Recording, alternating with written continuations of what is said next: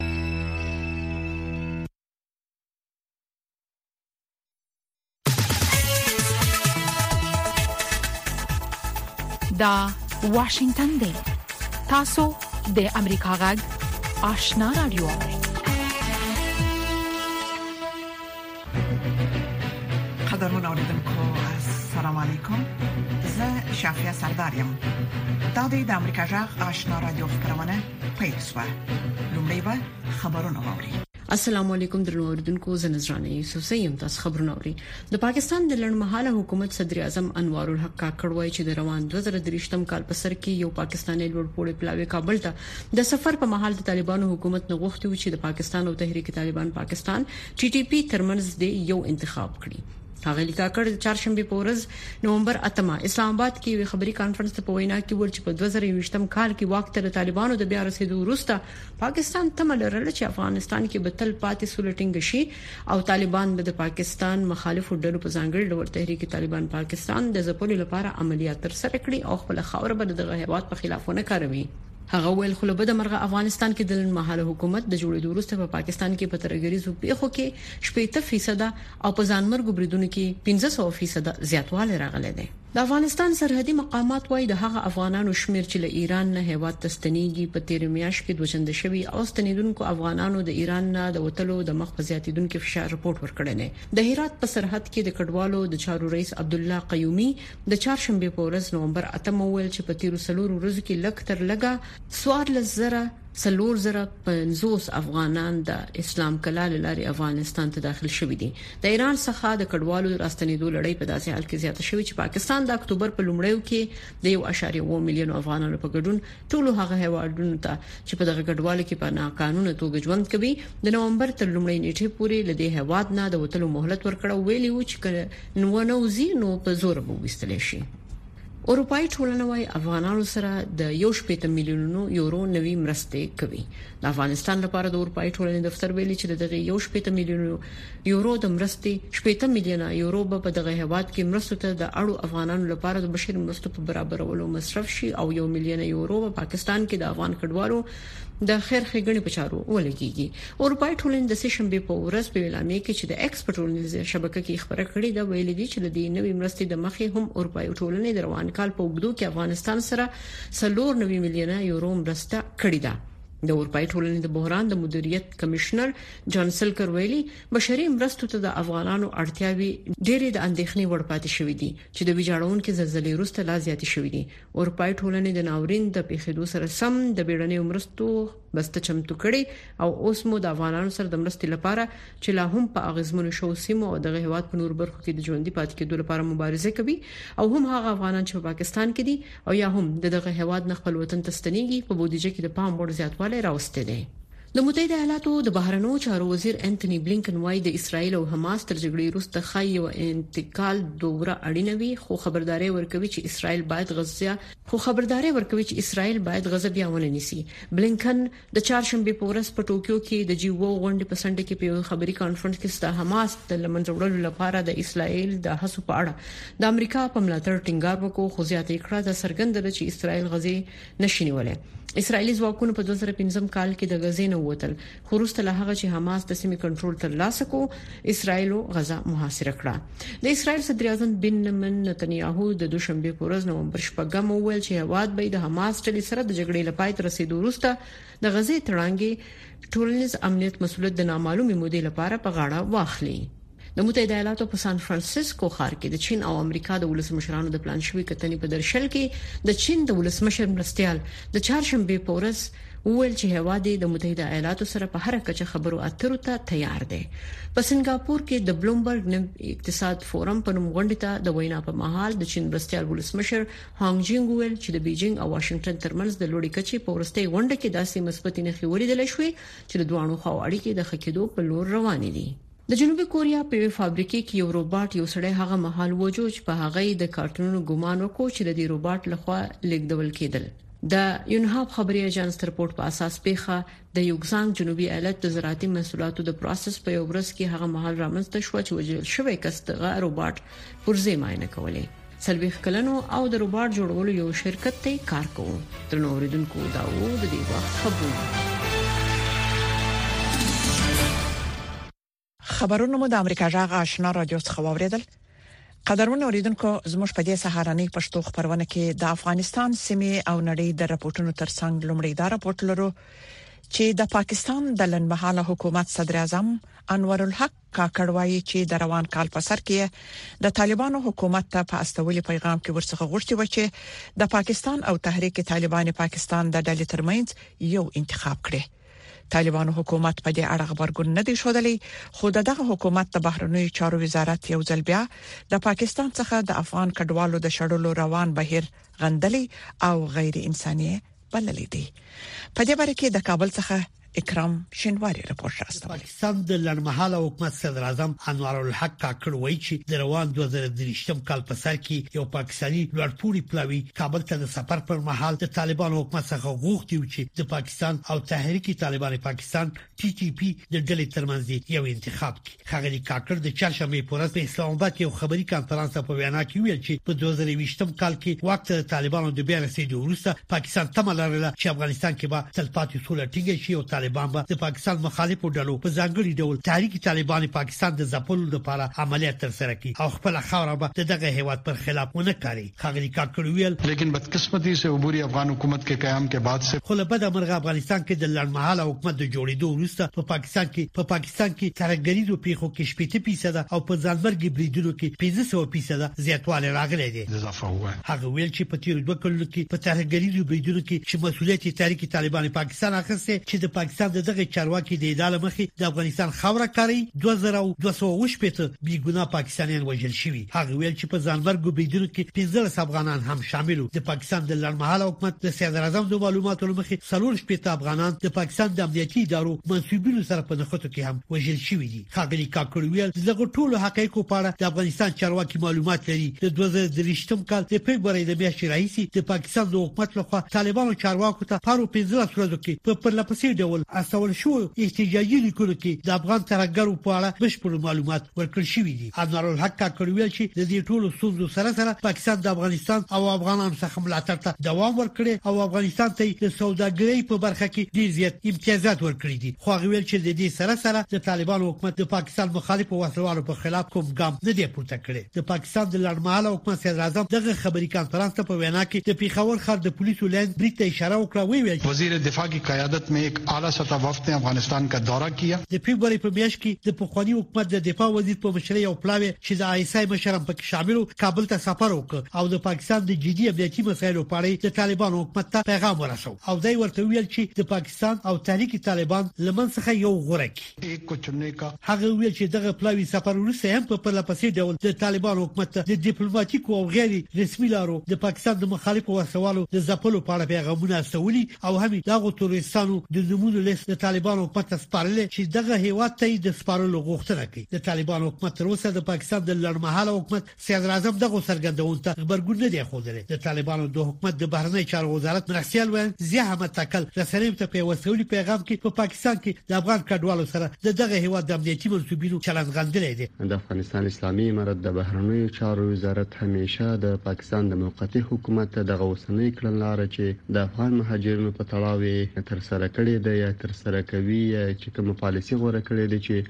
غواړي له پاکستانه افغان مهاجرین په ډیر لنډ وخت کې او په جبري شکل اخراج کړي، غندلې یې ده او دا یې غیر مناسبه او غیر عادلانه کړنلاره او پالیسي بللې ده. همداشان دغه وزارت په یو بل بیان کې د پاکستان د حکومت له خوا د سپین بولدک چمن په سرحد کې د نوو لګیدلو بندیزونو د لغوه کولو لپاره د سیمې د اوسیدونکو له خوا د زرګونو کسانو د پرلت څخه ملاتړ اعلان کړی او د پاکستان د حکومت څخه یې غوښتي چې د سرحد دواړو غاړو ته اوسیدونکي دې پریښودل شي چې د پخوا په څیر تګ راتګ وکړي. په دې بیان کې ویل شوی چې د سپین بولدک چمن او په ټوله کې د افغانستان او پاکستان ترمنځ د ټولې کرښې شاوخوا ته پراته ولسونه یو بل سره ګڼ دیني قومي ژمني خپلوي او تجارتي پیوندونه لري او د تاریخ په اوږدو کې حکومتونه د زرو تاریخي جبرونو سره سره دغه سیمې د ولسونو لپاره ځلې خاص حقونه په نظر کې نیولي او احترام یې کړي دا بیان وایي و چې د پاکستان حکومت د تاریخي حقایقو او اوسنۍ ځمکنۍ واقعیتونو په خلاف غواړي د تګ راتګ لپاره چمن سپین بولدک پر ولسونو پاسپورټ او ویزه جبري کړي دا هم د مهاجرینو جبري اخراج په څیر د پاکستان د حکومت یو اړخیز او د ځمکنۍ واقعیتونو خلاف پریکړه ده پر دې بیان کې ویل شوی چې طالبان حکومت دریز او غوښتنه دا ده چې د ولسونو دی پرې خودل شي چې د پخوا په څیر آزاد تګ راتګ وکړي او د دوه هیوادو په اقتصادي تحرک کې مثبت رول ولوبي انتظار پای ته ورسید ترنو لیدونکو او اوریدونکو تاسو کولی شئ د امریکا غږ ټلویزیونی او رادیوي خبرونه د یاشر ساتلایت له طریقو وګورئ او واورئ د نوي ساتلایت لارې تاسو د آشنا اتصال او کاروان ټلویزیونی خبرونه کتلای هم شئ د امریکا غږ د افغانستان څنګه خبرونه په 309 پټ چنل او د آشنا رادیوي خبرونه په 309 پټ چنل کې اوریدلای شئ لملتيامو د تل پشان مننه قدرمن اوریدونکو د پاکستان سرپرست لومړي وزیر انور الحق کاکړوای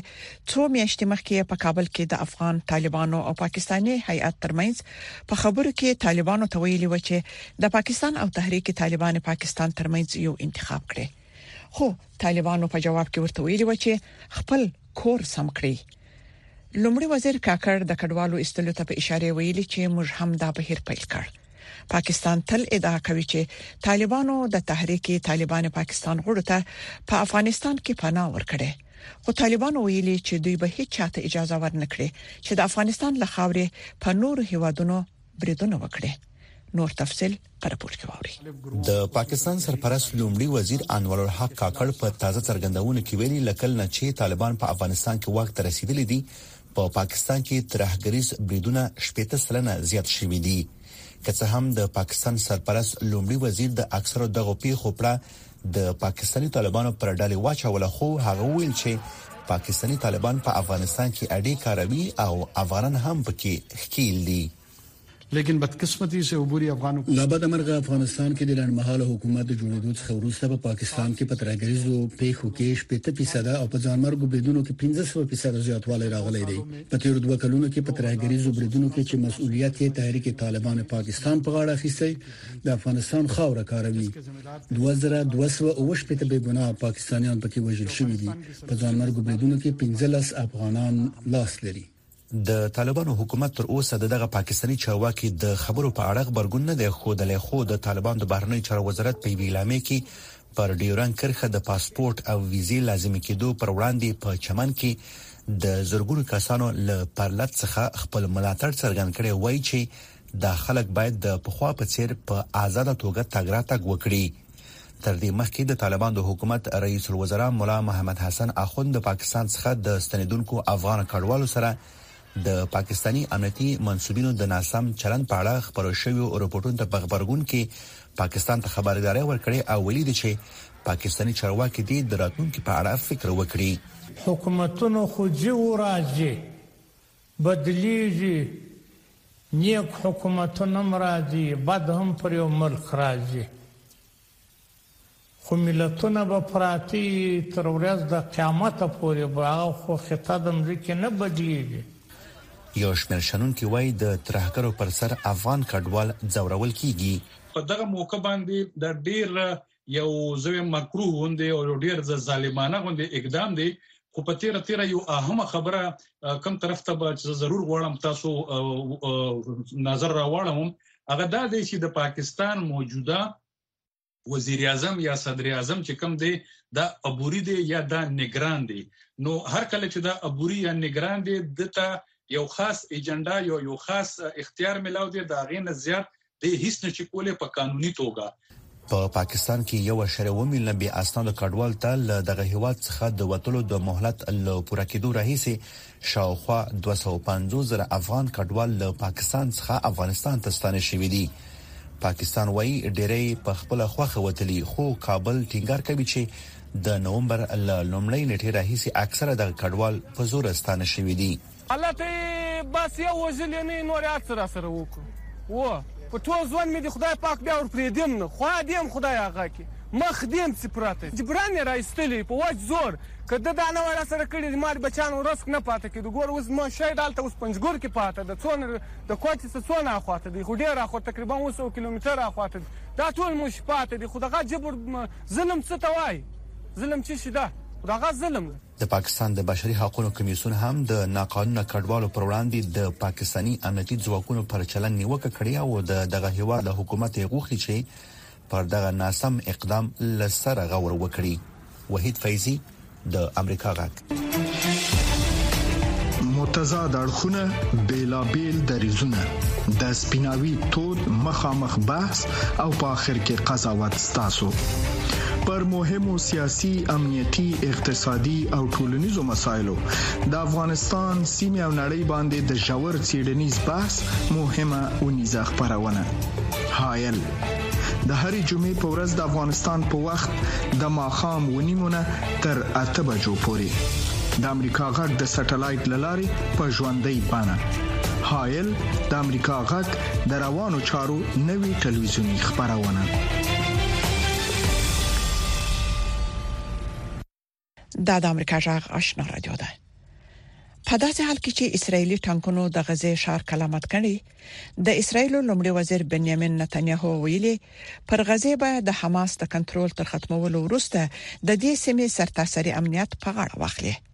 د بل خوا د امریکا د بهرنیو چارو وزیر انټونی بلینکن تایید کړ چې د اسرایل له خوا د غزې په بمبار کې وقفه او د فلسطینیانو د راتلونکو لپاره پلان د پرمختګ په حال کې یو کار دی د حماس لخوا پر اسرایل له بریدونو یو میاشت وروسته چې د اسرایل په وینا لامل یې 1400 کسان ووژل شول او 15400 نور ټپيان شول له ای بي سي نیوز سره د اسرایل د لومړي وزیر بنیامین نتانیاهو مرکه د خبرونو سر ټکی جوړ کړل. هغه کسان چې نه غواړي د حماس لاره تعقیب کړي، فکر کوم اسرائیل به د نامحدودې مودې لپاره د سرتاسري امنیت مسؤلیت واخلي، ځکه موږ ولیدل کله چې مو دا کار ونه کړ، څه پېښ شول. کله چې موږ دا امنیتي مسؤلیت نه درلود، موږ په داسې کچه د حماس د ترهګرې ډلې د پراخېدو شاهدان یو چې تصور یې نه شو کېدای. د سپینې ماڼۍ د ملي امنیت د شورا له ویاند جان کربي څخه د نتانیاهو د څرګندونو په اړه پوښتنه وشوه. ښه پرېږدئ هغوی د خپلو موخو په اړه وغږېږي، خو موږ د دې په اړه چې له جګړې وروسته وضعیت باید څه ډول وي او په غزه کې حکومت باید څه ډول وي، خپلو بحثونو ته په یقین سره دوام ورکوو. یو شی چې ډېر څرګند دی هغه دا دی چې حماس د راتلونکې برخه نشي کېدای، نشي کولای د اکتوبر شپږمې ته ولاړ شي. د سې شنبې په ورځ د امریکا د بهرنی چارو وزارت د ویان لمرستیال څخه هم د اوسنیو جګړو له پای ته رسیدو وروسته د غزې د راتلونکو په اړه پوښتنه وشوه غزه د فلسطینیانو خاوره ده او د فلسطینیانو خاوره به پاتې شي عمومي غږېږم، موږ نه د غزې او نه هم د اسرایلو د رسمیت پېژندلو څخه ملاتړ کوو. د بهرنیو چارو د وزیر بلینکن دریځ هم د خپل سفر پر مهال په دې اړه په مناسب شکل روښانه و. بلینکن منځني ختیځ ته د خپل سفر بل پړاو بشپړ کړ. هغه د فلسطین د خپلواکې ادارې له مشر محمود عباس سره وکتل او څرګنده یې کړه چې له جګړې وروسته به د فلسطین خپلواکه اداره د غزې د رهبري لپاره غوره وي. یو کارپوه امریکا غږ ته وویل دای په دې باور دی چې په سیمه کې د دایمي سولې لپاره اوس هم د اسرایل او فلسطین د دوو دولتونو حل لاره غوره ده زما په اند دا د غزې له بیا جوړېدو او د فلسطین د خپلواک ادارې چارواکو له تدریجي ادغام سره پرمخ تللی شي د سعودي او احتمالا د خلیج د هیوادونو مصر اردن متحده ایالاتو او د سني غربي کړیو په مرسته کېدای شي بلنکن له منځني ختیځ څخه د جی و یو بډای هیوادونو په غونډه کې د ګډون لپاره آسیا ته ولاړ خو د اسرایل او حماس جګړه د بحثونو په سر کې و very much appreciate the words of support and sympathy. زه د حماس د ناوړه برید لامل چې امریکایان پکې مړه او ټپيان او برمته شول ساسې د ملاتړ او خواخوږۍ له الفاظو ډیره مننه کوم دا د جې اووه لپاره هم ډېره مهمه شېبه ده چې د دې کړکېچ پر مهال یو ځای شي او لکه څنګه چې موږ خبرې کوو په یوه غږ سره وغږېږي. په غزه کې د ملکي تلفاتو د زیاتېدو په اړه د نړیوالو خبرګونونو له پراخېدو او له اسرایل څخه د امریکا د نظامی ملاتړ په وړاندې ل نیوکو وروسته بلینکن جاپان ته ولاړ د غزې روغتي چارواکو د سه شنبه په ورځ وویل چې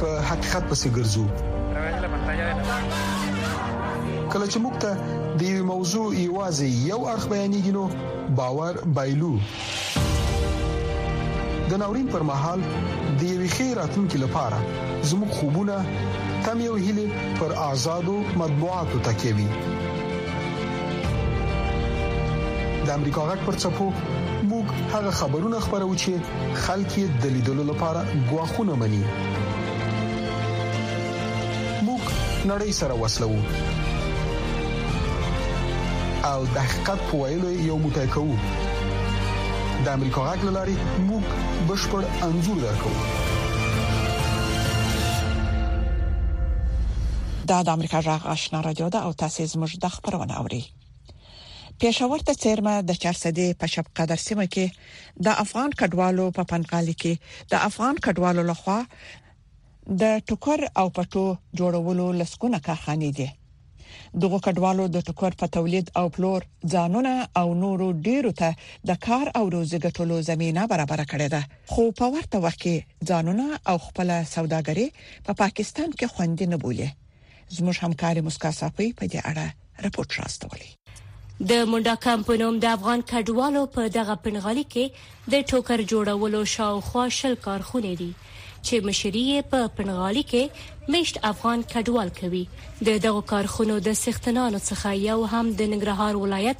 غلام علي دی چې په کډوالۍ کې زېږېدلی او دا کاروبار ورته په میراث کې ورپاتې دی. غلام علي وايي، د خپل کار څخه خورا خوښ دی، خو د یو افغان پانګوال په حیث په پاکستان کې خپل راتلونکی او سوداګري بې ثباته بولي. چې موږ پېښور ته دا اوس مهال ځو، نو موږ یرېږو، که هغه اسلام اباد ته ځو، که هغه موږ لاهور ته ځو مال پسې، نو یو یره، یو ترس هم په زړه کې وي. موږ له داسې یو دغه نه دی راکړی. ازاد دغه ژوند چېرې موږ مطلب ډاډه وي که دا کار رسره وي د کار باوجود هم موږ مطلب پاداول کېږو خو موږ د الله په اسره باندې او په خپل دغه باندې کار مخکې وړو خو صرف د افغانانو په دې مسلو په وجه باندې کار هم ډېر ټکان کړی دی د تورخم لاره بنده ده زموږ زیاتر مالونه افغانستان ته ځي. غلام علي او یو شمېر نور افغان پانګوال وايي، په ایس ای سي کارتونو ورته بانکي حسابونه نه خلاصېږي. چې له کبله یې سرمایه خوندي نه ده. زه خپل ځانې اکونټ نه لرم دوه درې ځل مې میزان بانک ته لاړم ایشبیل ته لاړم ما ورته وی چې ماله اکونټ راکړئ افغانانو ته اکونټ ورکړئ وی یاره هغه پاسپورټ غواړي زه پاسپورټ کوم ځای نه جوړ کړم نو هغې نه بیا زه ولګیدم ما وی یاره دا خو زما مجبوري ده نو په سوال باندې کله یو صراف ته وینا وکړم یاره دا پیسې راته جمع کړه کله بل ملګري ته وینا وکړم نو په سوال سوال هم نور خوله خرابه شوه نو اوس مجبور یم یو پاکستانۍ مې په لاس کې اغستې دی د هغه په اکونټ باندې زه کار چلوم نو که سبا ورځې دعوه وکړه نو بس بیا به دعوه یې کړې وي هر څه به د هغه وي ځکه زما څه دي نو اکاونټ مې د پاکستاني په نوم دی. موږ سره دغه کارت دی په دې باندې موږ ته اکونټ نه کولاویږي زموږ پې موږ ته پې میټر نه لګي زموږ پې ضمانت نه کیږي موږ ته مسلې پې شته دی ډېرې زموږ دا مسلې حل شي نو کار به هم ټیک شي. او دې باندې زموږ تقریبا چې اوس وخت کې پیسې بندې دي د 40 45 لک روپۍ په بندې شوې دي پیله موږ سټارټینګ د لګو نه اغستې وو نو اوس ان شاء الله رو رو وخت وخت سره کنه ګرانی چې راځي نو هغه حساب سره پیسې هم زیاتې بندېږي مشینري هم رو رو زیاته کړله په دغو کارخونو کې پټو د نارینه او جامې او چترالي پکول ټوکر جوړیږي په دې پنډغالۍ کې د پټو او ټوکر جوړولو لسګونه کارخونې فعالیت کوي، کومې چې په دې سیمه کې افغان کډوالو او پاکستاني وګړو لپاره د کار کولو او عاید ترلاسه کولو لویې سرچینې دي. دلته هر کارګر د میاشتې دوه نیم زره کلدارې تنخوا اخلي زما الحمدالله دوه میاشتې کیږي چې راغلی یم دلته دې سره لګیا یم دا افغانی ورور دی زمونږ او بس کار کوو جوړې دي صاحب راکړې راله تقریبا سو روپۍ جوړه راکړې راله او دا تقریبا څه دوه میاشتو کې ما زه راغلی یم زما شپاړس کاله عمر دی او دا دوه درې کاله کیږي چې د افغانستان نه راغلی یم پلار مې وفات شوی دی دلته مې تره سره کار کوم نو د میاشتې دا شل پنځه زره روپۍ دلته برابروم نو په دې باندې زمونږ د کور ګزاره هم نه کیږي په داسې حال کې چې اسلام آباد د بې اسناد افغان کډوالو د ایستلو لړۍ ګړندۍ کړې ده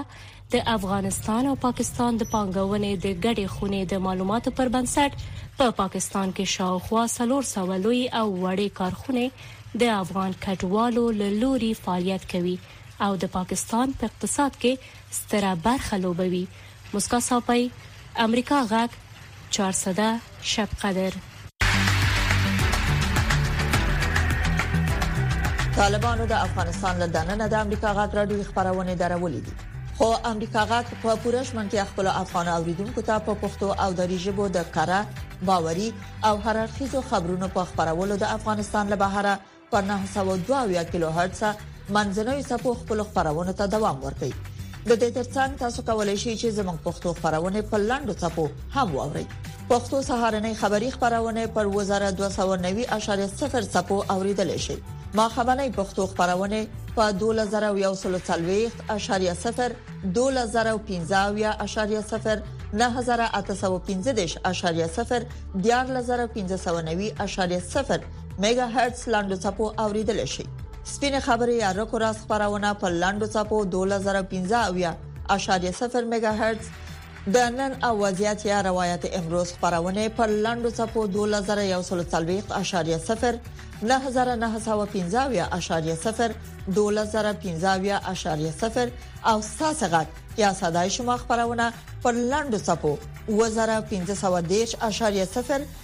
نهه زره درې سوه پنځه پنځوس میګا هرتز اوریدل شي.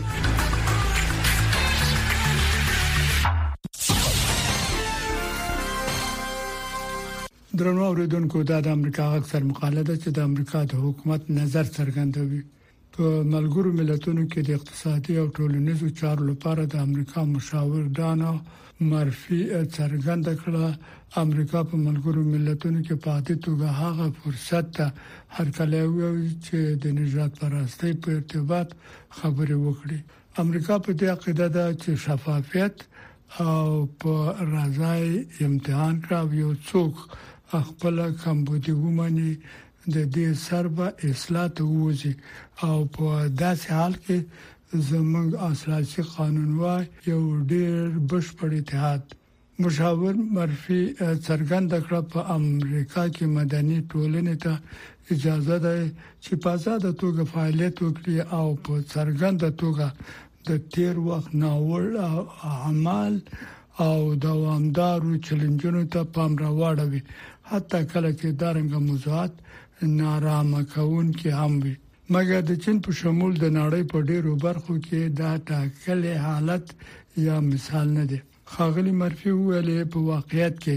که د سنکیانګ، تیبت او هانګ کانګ خلک د خوشحالي او د بشري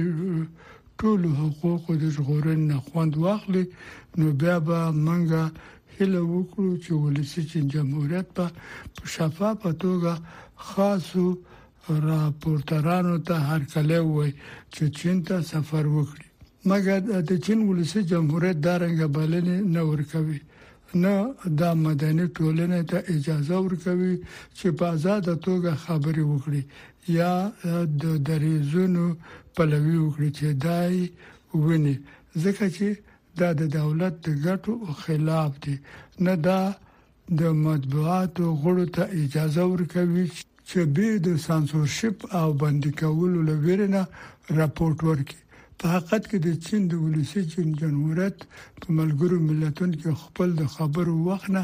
کار اخلي چې د بشریت په خلاف د جنایتونو له مستندو شواهدو نه پام بل خواته واړوي او له بشري حقوقو نه سرغړونې ردوي د خپل خلکو په خلاف د عافیت سره د دې مرتکب شوی دی مشاور مرفي وویل د چین په شمول هیڅ هیواد د کره کتنې نه لوړ نه دی شمن د ولسی چنجا په جمهوریت باندې غکو چې خپل صادقانه انعکاس ده هر کله وای په زیاده دي چې د خپل بشري حقوقو ستونزو نه نه قانع کونکي انکار ته دوام ورکړي هغه غړو دولتونو ته غواخ کوي چې د چین د بشري حقوقو د اعمالو په اړه کې اندېښنې څرګندوي او د اندېښنو غم وخوري او ژورنه د نیونکو امر کوي او د نژادي تبعیض د منځه وړلو لپاره خاصه کمیټه چې د څو نمونو اخستل شو مشاور مرفي او ویل راځي زمونږ په برابر توګه او صادقانه توګه د بشري حقوقو د جهاني اعلامې په قول وی داسې نړۍ ته رسیدنه وغواړو چې انسان پکې د بشري ازادۍ نه خوند واخلي او عقیده او ازادي له ویرې او غوښتنې نه خلاص وي، په داسې حال کې دا د عام خلکو لوړه ارزو ده. درنو اوریدونکو دا وه د امریکا غږ سرمقاله چې د امریکا د